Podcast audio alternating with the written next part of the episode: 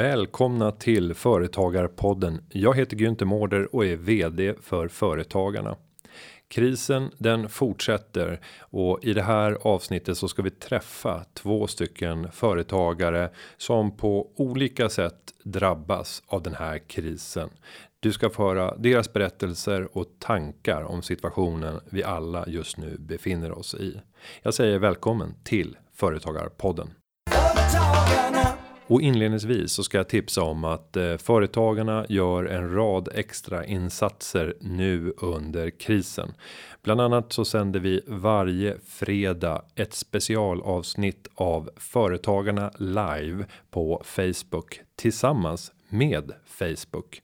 Så på fredag lunch så kan du om du följer företagarnas eh, Sida på Facebook få en notis om att sändningen drar igång här får du praktisk information och kunskap om hur du kan digitalisera din verksamhet och lindra den nuvarande krisen, men framförallt stärka din konkurrenskraft inför framtiden. Gå in och titta på företagarnas Facebook-sida för att få information om vad nästa avsnitt kommer att handla om och då kan du också passa på att ställa frågor och påverka innehållet i det. Det är jag som programleder och sen bjuder vi in gäster utifrån de temana som vi avhandlar varje vecka.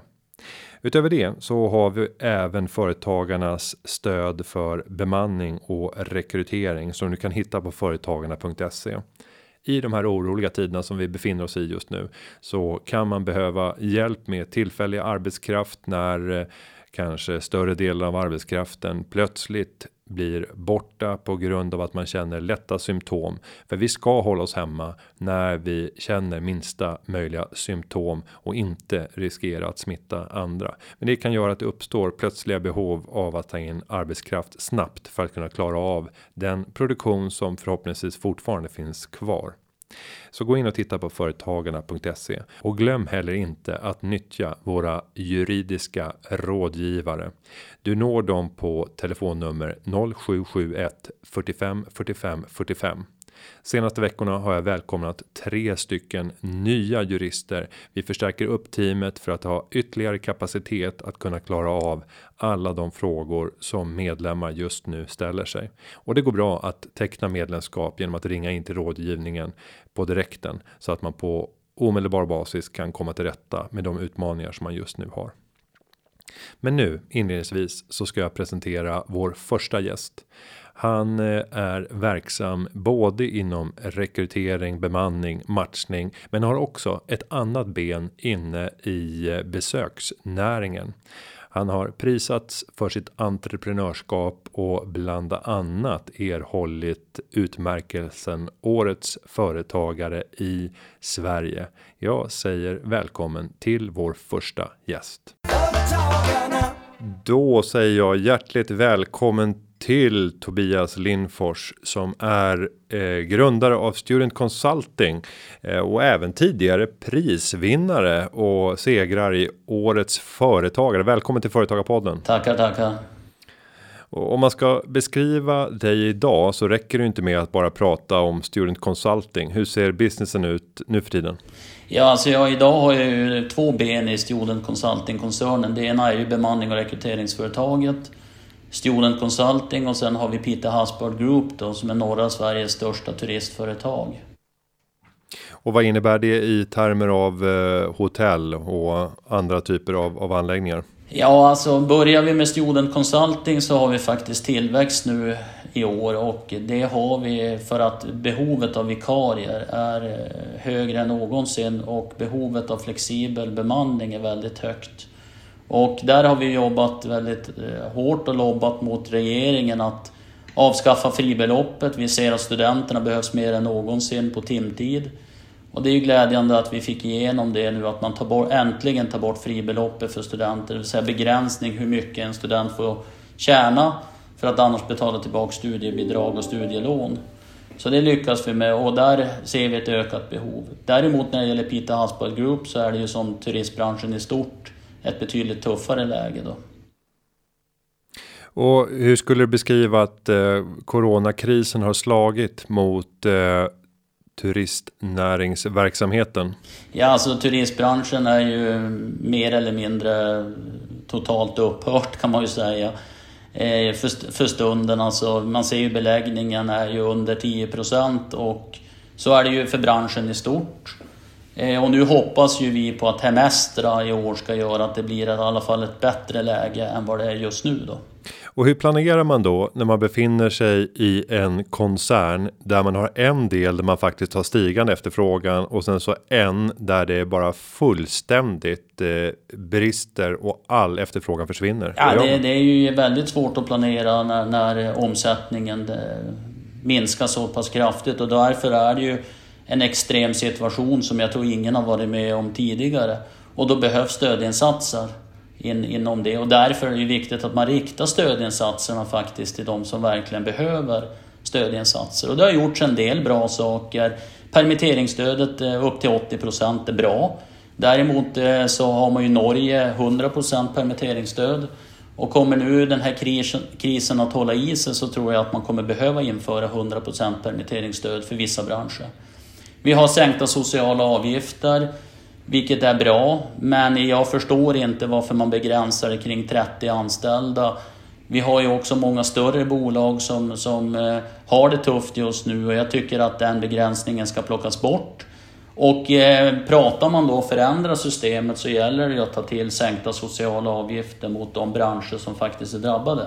Och då kan jag tycka att man ska plocka bort sociala avgifterna helt och hållet. Till exempel turistbranschen så borde man ju ha inga sociala avgifter, åtminstone under hela 2020. Eh, sen sjuklönekostnaderna, att de har försvunnit eller att staten tar kostnader för det, det tycker jag som en självklarhet.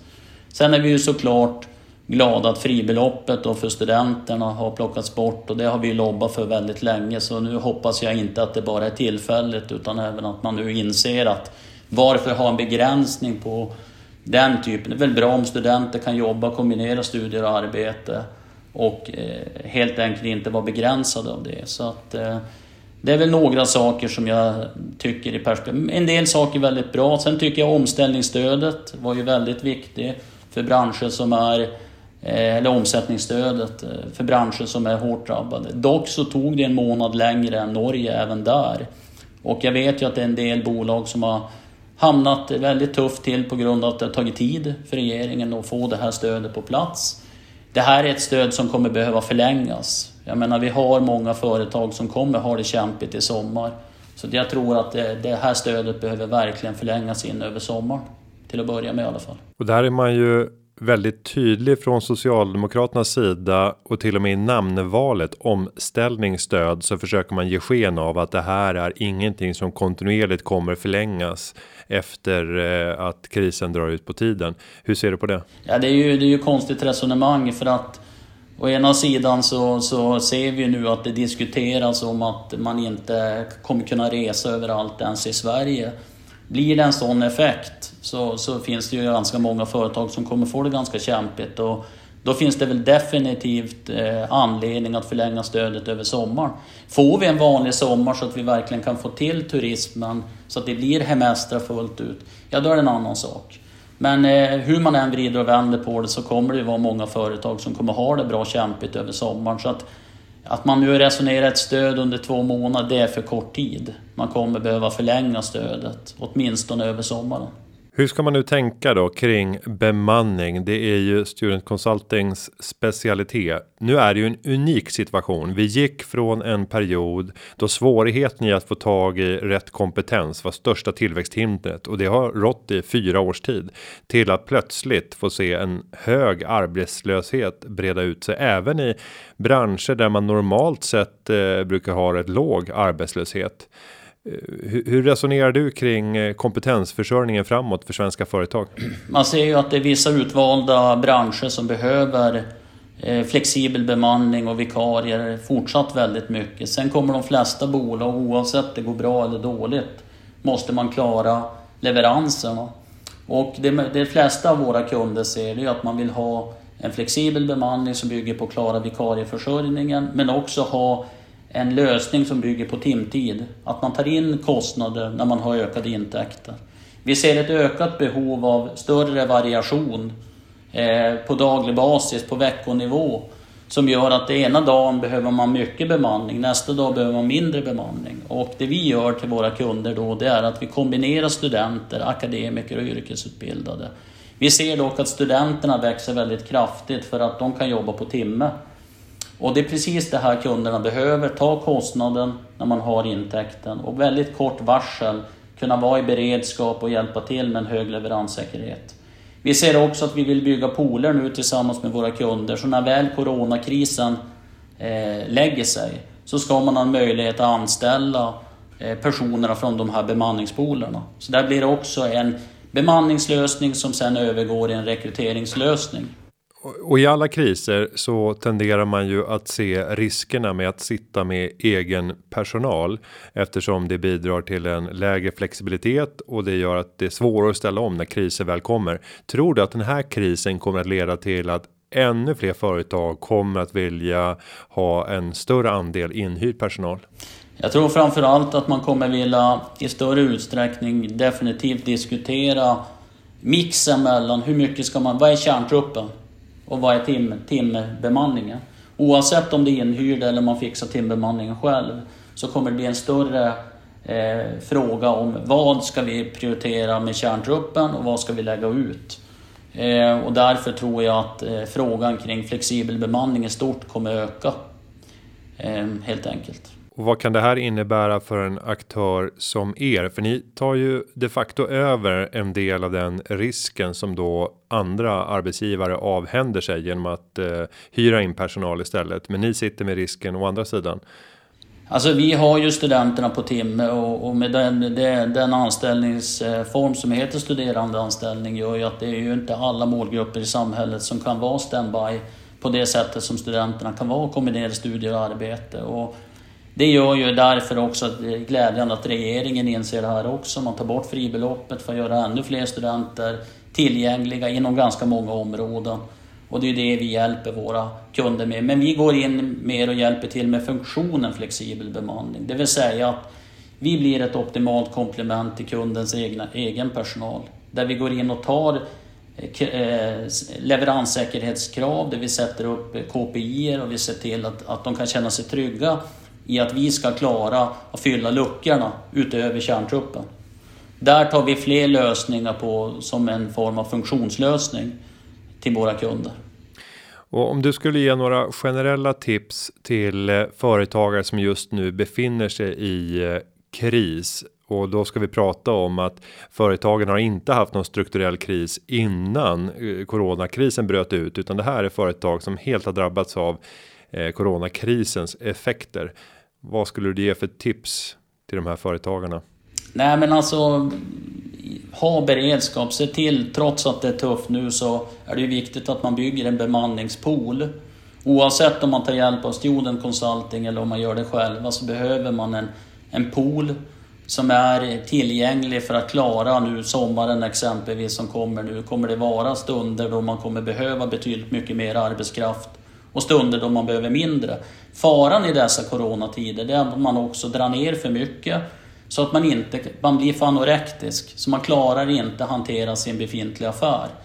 Det är än viktigare nu att klara av att bygga den här poollösningen så att man är redo för att växla upp men också dra ner när man har mindre behov.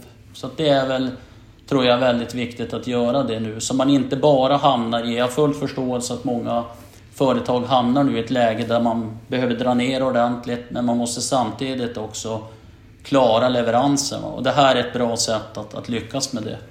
Sen har vi hört flera företag som har permitterat ner sin personal 80% så att man har kvar om 20% alltså en av fem arbetsdagar om man tänker så.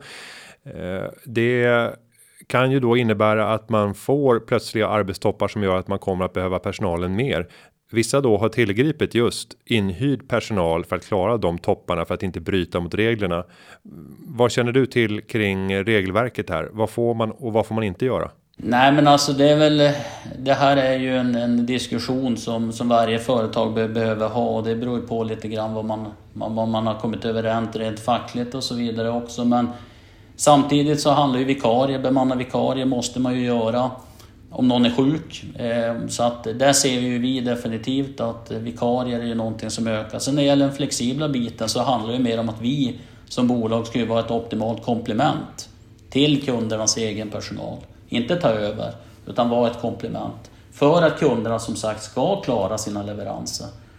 Och där vill vi ju vi gå in och hjälpa kunden och vara en del av kundens affär. E-handel är ett sådant område som typexempel. Det går inte att ha bara egen personal för att flexibiliteten är så stor. Vissa dagar har man behov av 30 inhyrda. Nästa dag har man behov av över 100 inhyrda.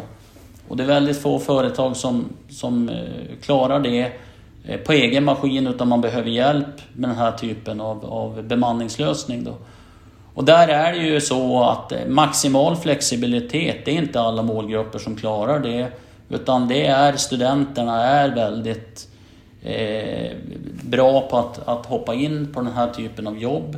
Sen gäller det att kombinera studenterna med heltid, yrkesutbildade och akademiker på heltid. Det är mixen som gör att vi både får flexibiliteten och vi får kontinuiteten i det arbete vi gör. Och där tar vi såklart, vi som bolag, självklart en risk att vi också kan få Eh, heltidsanställda på bänken.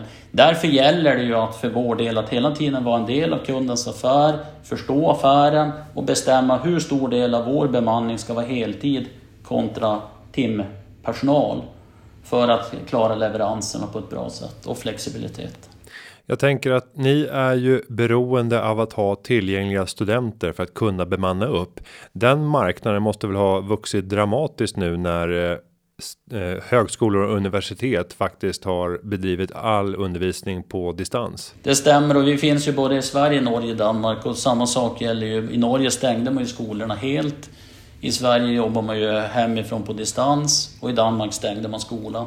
Och vi har ju ökat våran eh, jobbansökning med över 50 procent. Så senaste månaden hade vi över 60 000 jobbansökningar som har kommit in i Student Consulting-koncernen. Så det visar vilken otrolig efterfrågan det finns bland eh, studenterna att jobba extra men också yrkesutbildade och akademiker. Det vi har gjort för att förbättra matchningen och snabbare få ut fler människor i jobb, det är att jobba med digital matchning och vi har under 18 års tid byggt de ledande bemanning och rekryteringssystemen så att kandidaterna ges möjlighet att spela in video-CVn och på så sätt kan vi matcha kandidaternas kompetens, CV, eh, videosevet, personliga tester på de här personerna med hundratals jobb som passar deras profiler.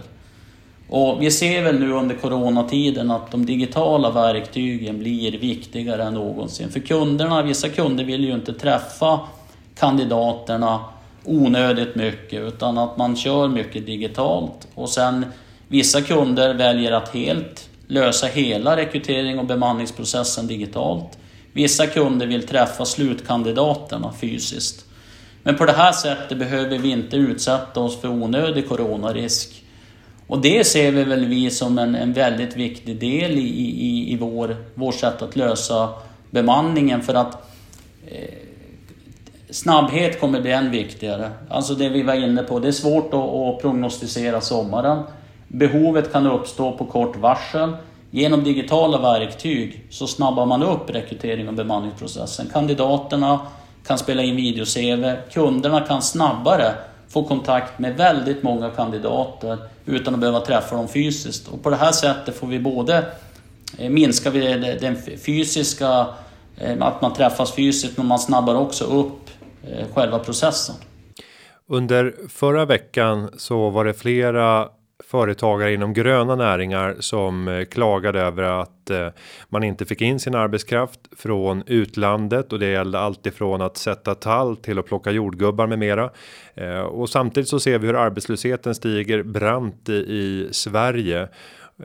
Är det sannolikt att tro att Sverige ska kunna ställa om den arbetskraft som nu friställs till att kunna göra uppgifter som tidigare har utlämnats till eh, andra arbetsmarknader egentligen där vi har importerat arbetskraft. Vad är din analys här? Definitivt. Alltså det här är ju världens möjlighet nu att, att verkligen ta vara på alla jobb som finns i Sverige och ställa om blixtsnabbt. Och sommaren är ju en perfekt tidpunkt nu att ta tag i de här gröna näringsjobben. eh, på bred front. Och det är självklart ska vi göra det. Det handlar ju inte bara om ungdomsarbetslösheten för det är klart att Ehm, eh, sist in först ut gäller ju många unga men du har också många med, med utrikesbakgrund som behöver också integrationsutmaningarna som vi har. Så nu gäller det att ta vara på alla de jobben som verkligen finns, att verkligen få till det. Men då är det ju matchningen som måste funka. Ehm, och här tror jag man måste vara öppen för nya tag när det gäller digital matchning och så vidare, så man snabbare kan hjälpa de här företagen med att lösa kompetensförsörjning. För det är faktiskt märkligt att vi å ena sidan pratar om väldigt hög arbetslöshet och sen samtidigt pratar man om att det kommer bli svårt att tillsätta jobben inom gröna näringarna. Det är klart att det här måste vi lösa. Och jag får känslan av att det finns problem från båda håll där. Om vi säger från arbetstagarens perspektiv så upplever jag i Sverige att det finns rätt många som inte är beredda att ta den här typen av jobb. Och på motsvarande sätt så upplever jag också från arbetsgivares håll att man inte är speciellt intresserad av den svenska arbetskraften. Kanske på grund av att vi ställer andra typer av krav och kanske inte arbetar lika hårt som den utländska arbetskraft som man har varit van vid de senaste åren. Var i ligger problemet menar du mellan eh, de här två skiljelinjerna? Är det arbetstagarens inställning eller är det företagarens alltså, syn? En del i det är ju att du måste hitta effektiv introduktion av nya medarbetare, för det är klart att Även inom gröna näringar krävs det utbildning och introduktion, även fast den är ganska kort. Så det är en del av lösningen, att man måste sätta upp det. Eh, den andra delen är faktiskt att få hjälp med kvalitetssäkra matchningen. För att å ena sidan, absolut finns det alltid individer som kanske inte är intresserade av de här jobben, men det finns också många individer som faktiskt är väldigt intresserade av de här jobben. Så jag tror att där behöver man få upp en, en ett, ett stort urval av kandidater för att verkligen hitta de där individerna som brinner för den här typen av jobben. Och där skulle jag vilja säga att här handlar det inte om ett traditionellt CV, här handlar det om personer, göra tester på, på att hitta de här personerna som har de personliga egenskaperna. Som trivs att vara ute i skog och natur och verkligen tycker det här är ett härligt jobb. Så att, ehm, och då slår jag slag för att göra tester och göra mer omfattande, större urval. Vi på Sion Consulting, vi har över 450 000 kandidater i vår databas. Så att den här typen av bolag kanske behöver hjälp med att få upp en större urval av jobbansökningar. Jag såg arbetsmarknadsministern pratade om att det behöver sökas fler personer till de här jobben och att många företag efterfrågar fler ansökningar av svensk personal. Och det, det, det är ju någonting, och det är klart nu är det kort varsel inför sommaren. Det är en stor omställning, man ska på snabb, kort tid då eh, helt enkelt lösa då med mer svensk personal. Så det är klart att det kommer vara en utmaning. Ja, Tobias, eh, vi ska också lägga till innan vi avslutar att Utöver att du är eh, medlem i Företagarna sedan många år tillbaka så är du ju även riksstyrelseledamot, vilket in, in, innebär att du eh, också blir, eh, blir min chef eh, som riksstyrelseledamot och vi ses ju snart på ett styrelsemöte och därefter på en digital kongress. Eh, så att jag vill tacka dig eh, stort för att du deltog från kontoret i Norrbotten. Är du ute i Kallax som du sitter nu? Ja, jag sitter vid flygplatsen så att eh, det är lite speciella tider nu så nu blir det mer distansmöten men jag har nära till flyget när, när, det, när, när det behövs. Ja, stort tack. Vi eh, hörs digitalt snart igen. Tack Tobias. Tack detsamma. Och där är jag tillbaka ensam i studion efter mitt samtal med Tobias i Norrbotten. Och jag tänker mig att vi nu ska göra en resa genom hela landet för att eh, komma ner till mellersta Skåne och få träffa en annan företagare som i botten är läkare som har arbetat på intensivvårdsavdelning men som idag är företagare inom eh, äldreboenden. Hon driver ett äldreboende som heter Häggenäs sjukhem och är eh, prisbelönt till följd av att hon arbetar väldigt annorlunda i sin verksamhet. Hon heter Sisell Eliasson och jag hälsar henne varmt välkommen till podden. Varsågoda. Då hälsar jag Sisell Eliasson Eh, välkommen till Företagarpodden. Välkommen! Tack så mycket! Ja, du driver ju ett prisbelönt äldreboende i Ludvigsborg, Häggnäs sjukhem. Hur har de här senaste månaderna varit för dig? Eh, jag får säga så här att vi känner oss som i en ganska isolerad värld. Men eh, vi gör det bästa av situationen. Det är mycket som är förändrat eh, mot vad vi är vana vid och hur vi hanterar det vardagliga livet. Och om man ska beskriva ert äldreboende Häggenäs sjukhem från andra verksamheter. Hur särskiljer ni er? Jag skulle väl vilja säga att vi Eh, vi utgår ju från det friska hos alla våra boende och vi har otroligt mycket aktiviteter varje dag i veckan. Eh, mycket fester, mycket artister som kommer hit och mycket dans. Och, eh, och det innebär ju att det kan vi inte nu när vi får hålla avstånd. Så för vårt, alltså jag tror att våra boende lider ganska mycket av det med tanke på att de är vana vid att det händer något varje dag. Och det måste ju innebära att eh, den grundverksamhet som ni normalt sett bedriver förändras i, i grunden eller? Ja, det gör det. Eh, det har blivit uppdelning. Vi har ju aldrig haft avgränsat för olika avdelningar eller enheter och det har vi fått göra nu. Eh, personalen får också vara stationerad på sina enheter. Vi kan inte byta runt. Ehm, vi kan inte träffas i de stora eh, sammankomster vi brukar ha och ha trevligt och sjunga och dansa Ehm, och inte heller våra aktivitetsgrupper som vi har. Men vi gör det bästa av situationen och ändrar detta och gör det i smågrupper istället. Eller ute så mycket vi kan. Och vad händer med eh, människorna i det här perspektivet? Och då tänker jag både på de boende och på personalen. Hur förändrar de här restriktionerna som vi nu lever under eh, de människor som tvingas underkasta sig de här nya reglerna om fysisk distansering. Mm. Om vi börjar med de boende här så märker de ju tydligt av förändringen och de eh, eh, en del blir mer nedstämda mm, och vi är väldigt rädda för att det ska gå att, så att det går mot depressionshåll och därför försöker vi att motarbeta det så mycket vi kan. Um, personalen eh, har ju väldigt strikta restriktioner från min sida och det är klart att det påverkar hela deras leverna även utanför Häggenäs. Så är det ju. Och inför den här krisen så eh, måste ni och många andra blivit helt eh, handfallna när det kommer massa nya eh, krav och restriktioner och också nya krav på kunskaper. Hur har ni sett till att personalen får all kunskap som behövs för att hantera en sån här typ av av eh, epidemi? Eh, det viktiga hos oss är att vi alltid har haft en bra utbildning, grundutbildning hos alla som jobbar hos oss vad det gäller smittspridning. Det finns ju andra smittor som kan spridas när vi till exempel har vinterkräksjuka och liknande. Eh, så att för vår, våra medarbetare var det väl känt med vad barriärvård innebär och liknande. Ehm, sen har jag ju gjort, nu är jag själv läkare, jag har jobbat eh, på IVA mycket. Jag eh, har bibringat så mycket jag kan av min kunskap både vad det gäller med eh, hantering av skyddsmaterial och kläder.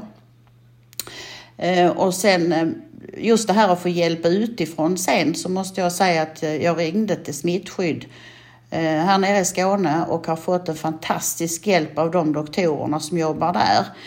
Eh, även på infektion i Lund och sen har vi ett mobilt team som kör runt och testar. Eh, så att eh, jag måste säga att vi har fått all hjälp vi har kunnat utifrån. Ja, det är glädjande att höra. Om vi nu tittar på krisens effekter. Hur slår det här mot dig som företagare? För det är ju en, i en speciell bransch. Man tänker sig att eh, Äldreboendena klarar sig mer lindrigt undan rent krisekonomiskt, men kan rent mänskligt få katastrofala konsekvenser. Men om vi tittar på de ekonomiska aspekterna. Har ni drabbats eh, av eh, krisen som nu sker ute i ekonomin? Det vi har drabbats av ekonomiskt sett är all skyddsmaterial vi har fått köpa in och det är cirka 300 000 vi har lagt hittills. Och det kommer naturligtvis att bli mer. Ehm, vi har ju fått visst stöd med, med minskade arbetsgivaravgifter. Ehm, och ehm, sen lär det väl också bli med sjuklönerna. Eftersom vi har så strikta restriktioner när de är hemma och är sjuka och har symptom så har vi ju eh, låtit dem vara hemma en vecka längre. Eh, men eh, det, det, kommer ju framöver så visst har det varit den ekonomin har det varit. Men ska man helt krast se på det så är det ju så att om vi skulle få in något här, det är ju så att det smittar utan symptom. Det kan finnas någon i personalen som drar hit utan att veta det. Eh, då skulle det vara en fullständig katastrof. För det första om, om våra äldre går bort, det, det är en tragedi för oss. Men även ekonomiskt, för då kan vi liksom inte få in nya heller. Eh, och i slutändan så, så skulle det ju kunna bli att inte Häggenäs finns mer. Och hur mycket kraft och energi kan ni, ni lägga på att försöka planera för att eh, undvika det här scenariot in i det längsta? För riskerna är ju ohyggligt stora såklart. Ja, de är jättestora eh, och jag, jag säger jag kan inte göra mer än att informera personalen och ha restriktionerna och att de verkligen förstår allvaret och det har de gjort. De tar verkligen stort ansvar.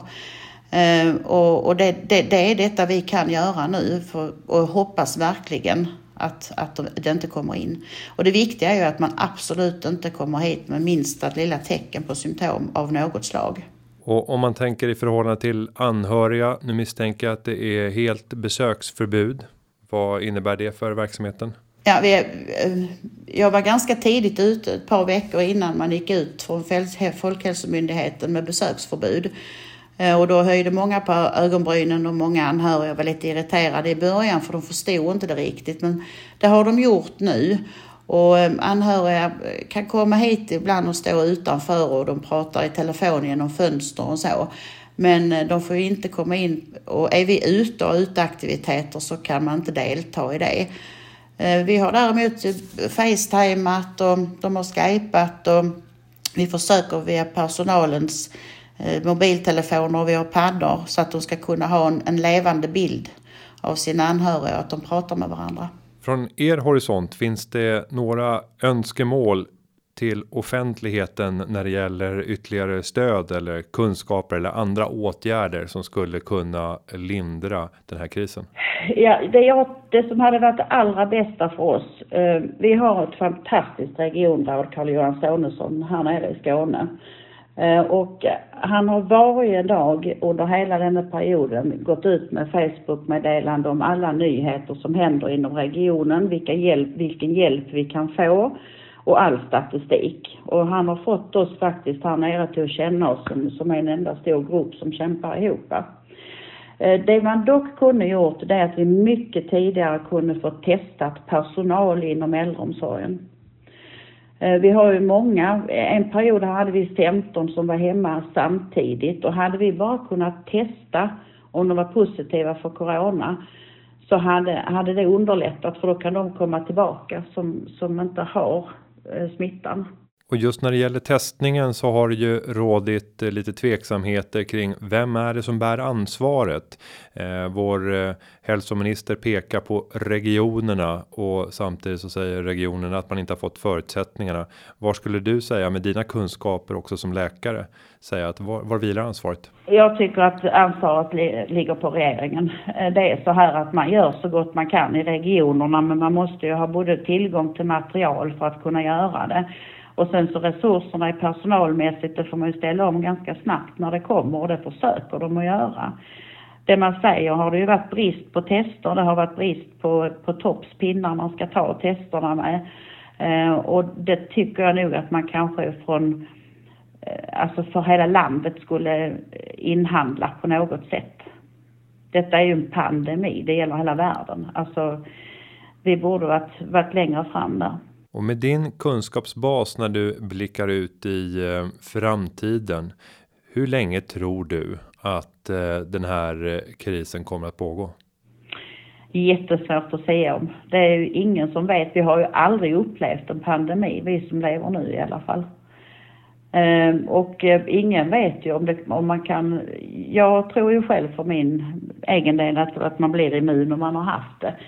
Men Eh, Eh, just det här att, att det smittar innan man har symptom eh, och att det överlever på olika, alltså materia ute.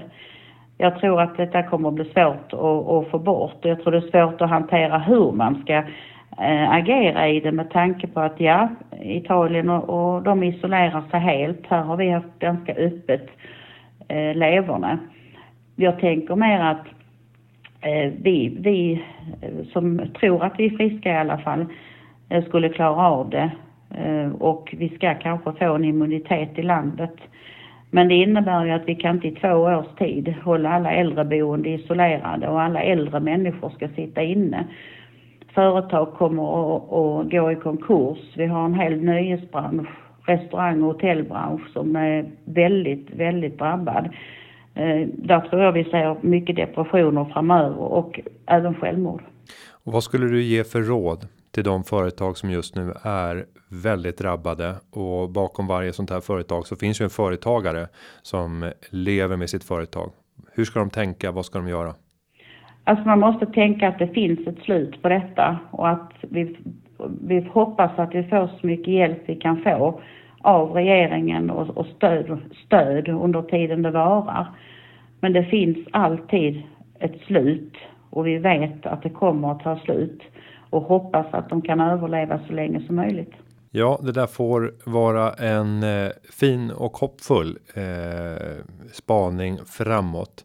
Eh, jag önskar dig fortsatt lycka till i arbetet på ditt populära hem Häggenäs sjukhem eh, som är en fantastisk verksamhet ska jag säga. Gå gärna in och titta på hur ni bedriver verksamheten för ni är ett föredöme i i regionen. Så Stort tack för att du var med i Företagarpodden. Tack så mycket Günther. Tack. Och efter de två samtalen så är det nu dags för mig att eh, knyta ihop den här säcken för den här företagarpodsveckan. Glöm inte Företagarna live nu på fredag och fredagarna framöver. I de fall det blir en klämdag, vilket händer här lite senare i maj, så brukar vi förlägga sändningarna lite tidigare under veckan. Det kan vara på onsdagar. Men jag vill eh, fortsatt skänka all energi och styrka till alla företagare som kämpar med att eh, klara av den här krisen. Jag tyckte Cicels eh, budskap var viktigt. Det kommer en tid efteråt. Nu ska vi göra allt som går för att förbereda oss för den tiden och försöka uthärda den eh, smärta och de problem som den pågående krisen innebär. Men fokusera också framåt. Våga tänka på den ljusa morgondag som kommer att komma då vi kommer åter att få träffas och kunna socialisera, men också kunna åtnjuta en fri marknad utan begränsningar. Med det så ska jag avsluta med att säga att underlaget för den här podden är producerat av David Hagen och klippningen den är gjord av Petra Chu. Vi hörs igen nästa vecka. Ha det så gott. Hej! Företagarna, ja, ja, ja, ja, ja, ja. företagarna. Ja, ja, ja, ja, ja, ja.